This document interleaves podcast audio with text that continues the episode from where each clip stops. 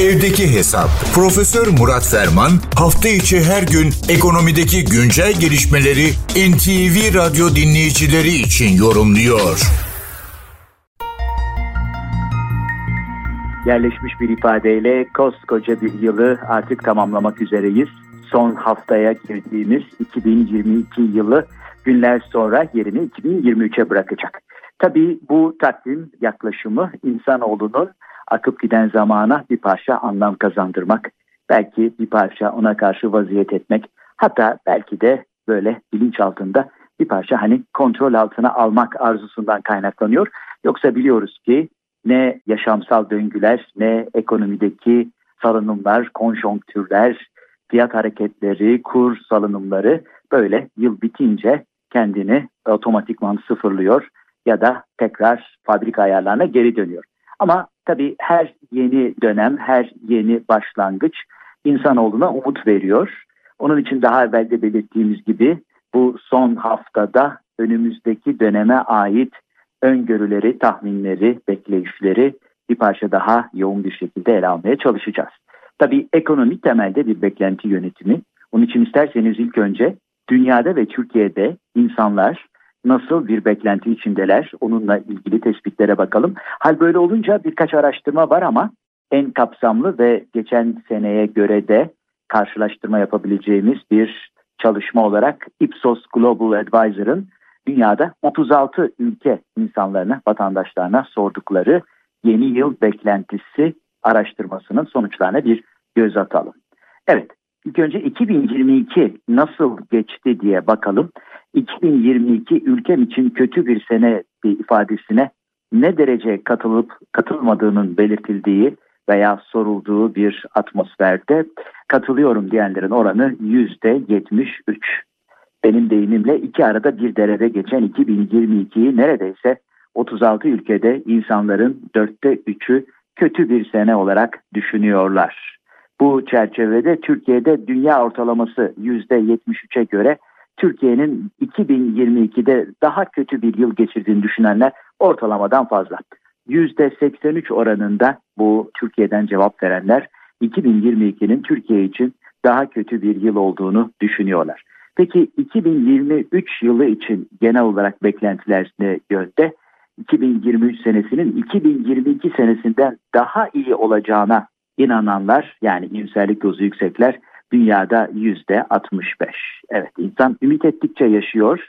Bu yüzde 65 olarak ortaya çıkan genel ortalama Türkiye'de yüzde 54 düzeyinde.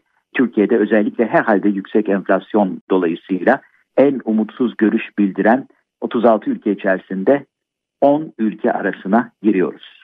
Tabii enteresan bir başka mesele bu enflasyon sadece Türkiye için bir sorun değil ülkemdeki fiyatlar kişilerin gelirlerinden daha fazla artacak ifadesine katılım oranı neredeyse yüzde seksen dünyada. Yani her 10 kişiden 8'i bu düşünceye katılıyor. Türkiye'de bu grubun içerisinde. Ülkemdeki enflasyon 2022 senesinden daha yüksek olacak diyenlerin oranının bu yüksekliği enflasyonla mücadelede yeni açılım ve tartışmaları da dünyada tekrar gündemde tutacakmış gibi gözüküyor. Türkiye'ye münhasıran geçtiğimiz yıla oranla karşılaştırmalarla tamamlayalım.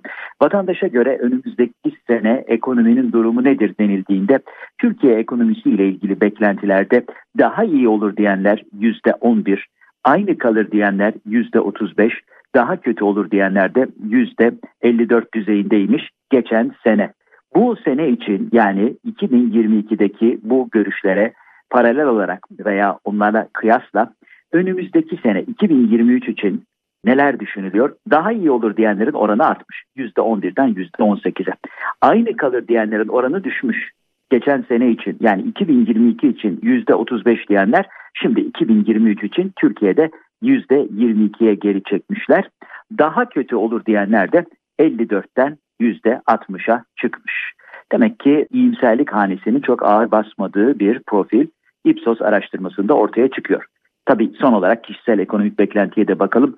2023 yılında kişisel ekonomik durumunuz sizce nasıl olur denildiğinde Geçen sene bu yıl için yüzde on oranında bir cevaplayıcı daha iyi olur demiş. Bu sene bu yüzde 14'e çıkmış 4 puanlık bir artışla.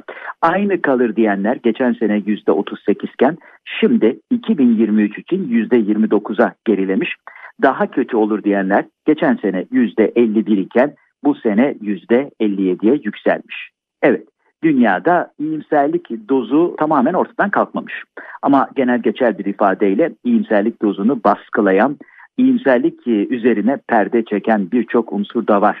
İsterseniz e, önümüzdeki günlerde bu konulardaki tespitleri tekrar ele almaya devam edelim ki bir parça bu nereden kaynaklanıyor onu bacaklandırmaya çalışalım. Bu genel bilgi paylaşımı ve değerlendirme çerçevesinde değerli dinleyenlerimize katma değeri yüksek ve yüksek katma değerli bir gün diliyor. Huzurlarınızdan hürmetlerle ayrılıyorum.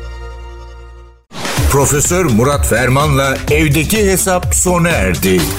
Kaçırdığınız bölümleri www.ntvradio.com.tr adresinden dinleyebilirsiniz.